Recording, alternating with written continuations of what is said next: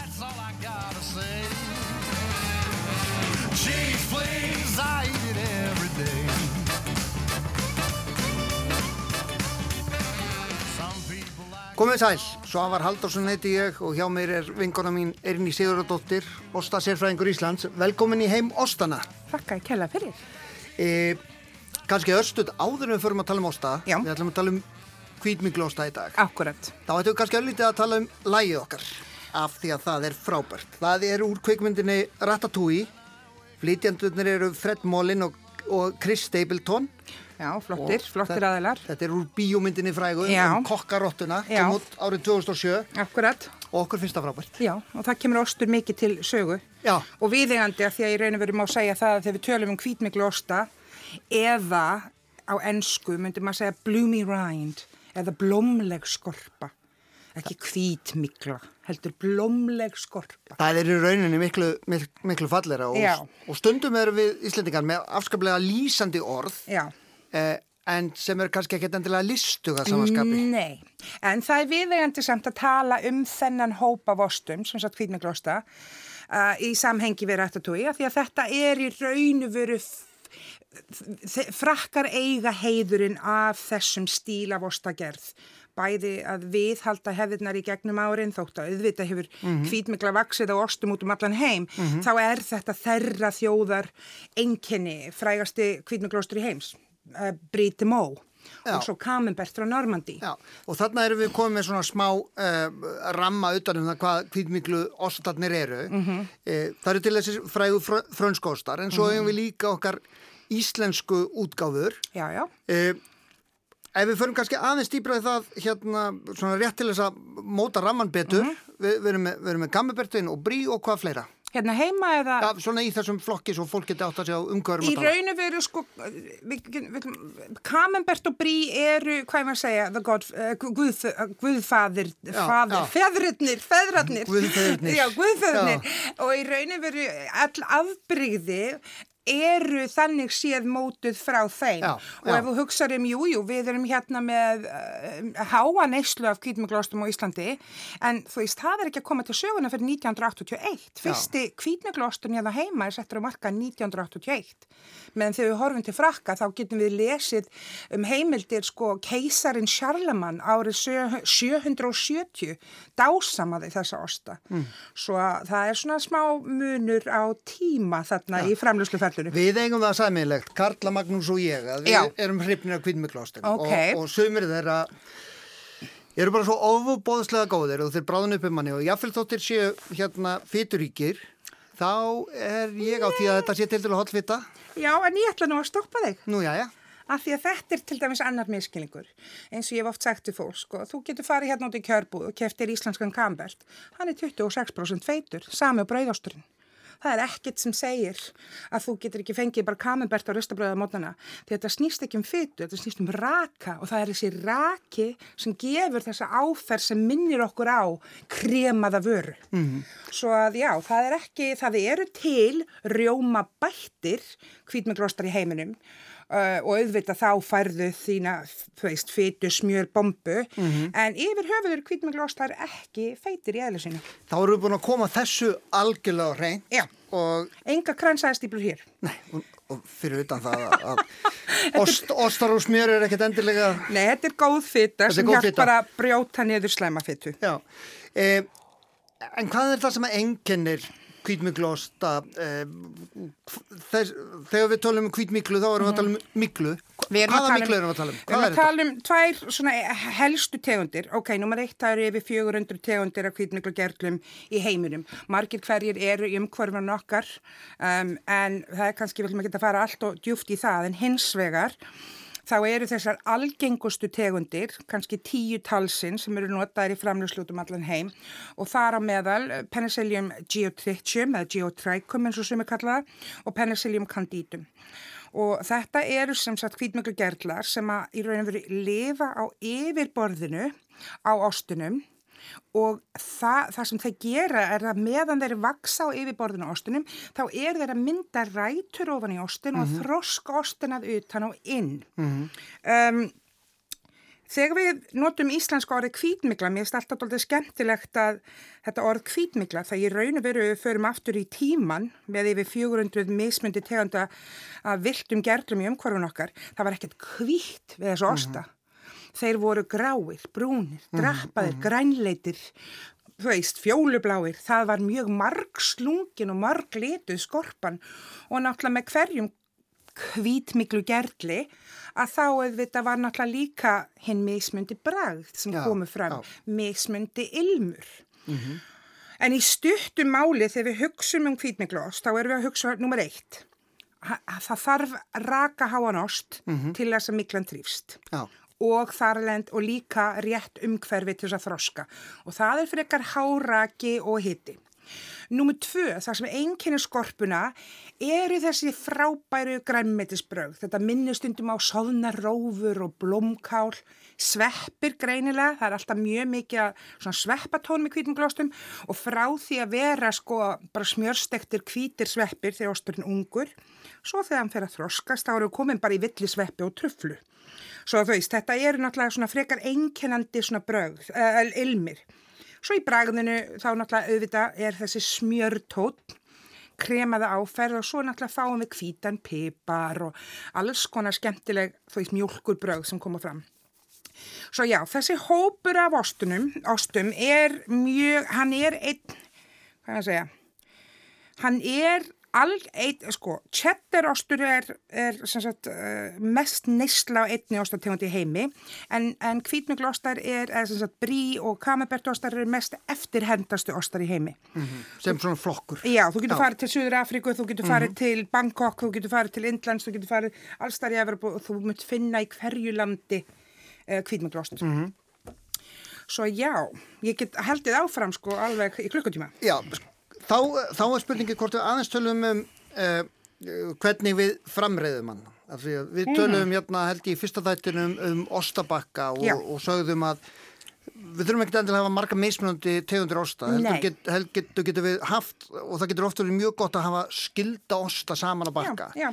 Eh, ef að við ákveðum nú að setja gammibert og brí og, og, hafa hvítmiklu ostabakka, hvað myndum við vilja hafa þá fleira á þeim bakka? Ok, það eru nokkrar svona þumaputtareglur sem ég vil alltaf koma fram og ein er svona mýta sem hefur uh, viðgengst allt og lengi, ekki bara hérna á Íslandi en bara allstar í Evrópu, þar sem að í Evrópu eru hvítmiklu ostarnir svona freka nýju sögunar, að það er það að fólk útbýr sér ostabakka og kaupir sér góðan hvítmiklu ost og svo setur það rauðvinslösku á borðið. Og það er náttúrulega númer eitt, ein grunnregla hvað má ekki að það er náttúrulega tannin og í rauðvin og pluss það að rauðvinið er mun bragðsterkara heldur en osturinn svo að bragðlega sé þið yfirgna yfir það ostin en þessi tannin og hvítmiklan á yfirborðinu er bara efnasamsetning sem á sér stað í mununum sem er virkilega óþægileg. Já. Með þessi klassíska kombói, rauðvín og, og, og hvítmikla er oft sett svona smá vimber á bakkan og þar aftur, uh, jú, ég myndi segja að vimber eiga sér alveg stað með hvítmiklinni þar sem að það er síra. En hins vegar þá er náttúrulega líka meiri tannin. Svo þú ert í raun og verið að búa til já, þú ert bara að gera árás á munninin, þetta er náttúrulega bara móðgun við það að, þetta er það sem að má ekki. En þá náttúrulega einfaldar það hvað má. Þegar í raun og veru, ég hef einakurinn reglu, ef að osturinn er hvítmikla, hafðu vínið hvít. Já. Og mér er alveg sama hvort að það er freyðivín eða hvítvín. Kolsýrin í freyðivíni hjálpar náttúrulega þessum munþekjandi áhrifum á, á ostunum. Og Ég- sama með meðlætið. Já, ég lærið þá reglu á, á Ítalíu að ef við erum að tala um freyðivín, að hvort sem það er gampavín prosecco eða kava eða hvað það er, þá segir, ef þú ert með góðan ost, veldu þá vín sem er gert með klassískri kampavinsaðferð og það er, og þá, þá stendur á flöskunni Method Champenois sem er núna Já. því miður eða, klassi, eða, klass, Já, eða Já. klassíkó stendur Já. núna. E, af því að þá eru þetta svona betri vínin og vinna þá með e, ostinum. E, hins vegar höfum við ekki þann möguleika þegar við erum kannski að tala um, um bjór, myndur þú segja að allir bjórar færu vel með kvítmiklóstum eða er einhverju sem fara, sem fara sérstaklega vel? Já, ok, hérna aftur kemur tvent upp, við töluðum um tannin, okkur rauðvín passar ekki, það er út af tannin og ég minnist hérna á hvítvín, en nú þarf að passa sig á einu. Ef að hvítvín eru eiguð, búin að liggja í tunnu, að þá hefur þetta koma þessi tannin aftur Já, já. og þá stuðar það ostan. Já. Ef að þú ætlar að fá því freyðivín, þá ættu ekki að fá því kampavín, því að gertónarnir í kampavínu munir stuða hvítmikluna. Svo þú, veist, óeiguð hvítvín, freyðivín passa með kvítmiklu og þegar kemur að bjórum þá aftur erum að nota sama lögmálið. Það þýðir ekkert að vera að setja einhverja sterkar stát eða veist, bokkbjóra með því að þeir eru svo bræðmiklir þegar yfirgna við ostin, svo hver er tilgangurinn.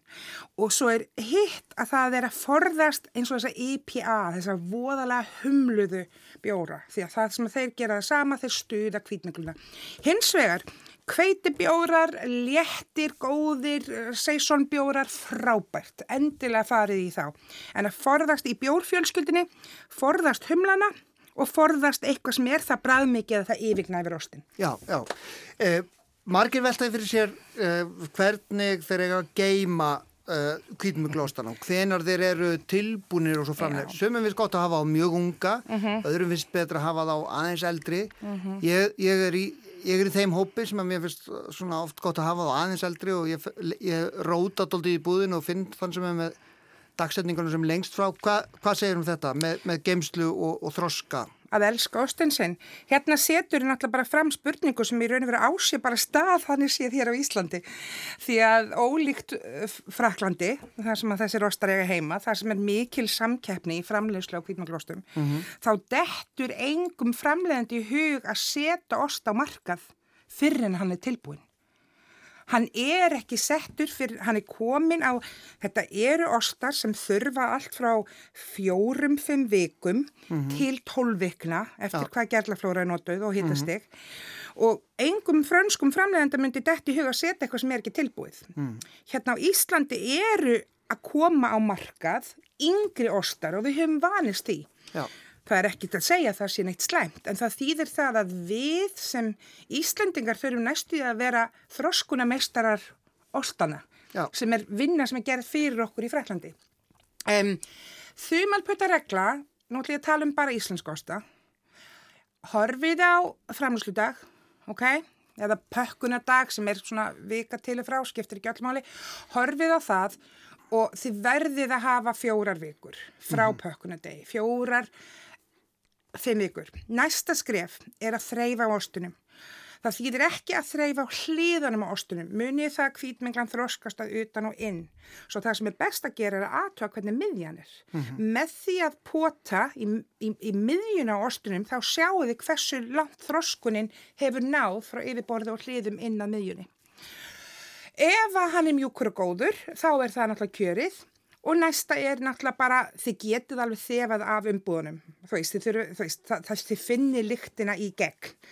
Um, og svo er næsta skrif, það er að taka þannan dásamt heim og kannski þarf hann viku í ávaxtaskúfunni hjá okkur ef að hann er aðeins of, þú veist, harður ennþá, af því að þessi kjarni í raun og veru hvítmiklan er að brjóta niður þetta fasta ástefni að þá er næsta regla að það er að taka hann út 2-3 tímum áður úr ískápnum áður en þið ætla að neyta hans og, mjög, og það fer eftir stærðin ástunum náttúrulega og mjög mikilvægt að taka hann úr umbúðunum. Ekki taka hann úr ískápnum í umbúðunum þar sem að hann er lokaður inni. Heldur eins og gott vín þarf að anda Já. hvítmiklan þarf að anda. Það eru hérna ákveðni ammoniutónar og alls konar hlutir sem við viljum láta svífa af ástunum Þannig að eh, Prosecco, Cava, hvítbjór, Hvít, hvítvín, óeikur eh, hvítvín uh, ávextir, ekki vínber, ekki með tanninni, mm ræða saman nokkrum tegundum af hvítmiglóstum á bakka Já. sem að eru orðnir fullorðnir. Já, og hugsa til sírni í meðlætunni líka. Já. Þá vitum við þetta, þá bara að gera sér kláran, Já. uh, fara að búa til ostabakkan og ekki gleyma að fylgjast með í næsta þætti af því að þá ætlum við að tala doldið um doldið skrítna osta íþrótt. Já, og ostafnig. Sjáumst á. Ok.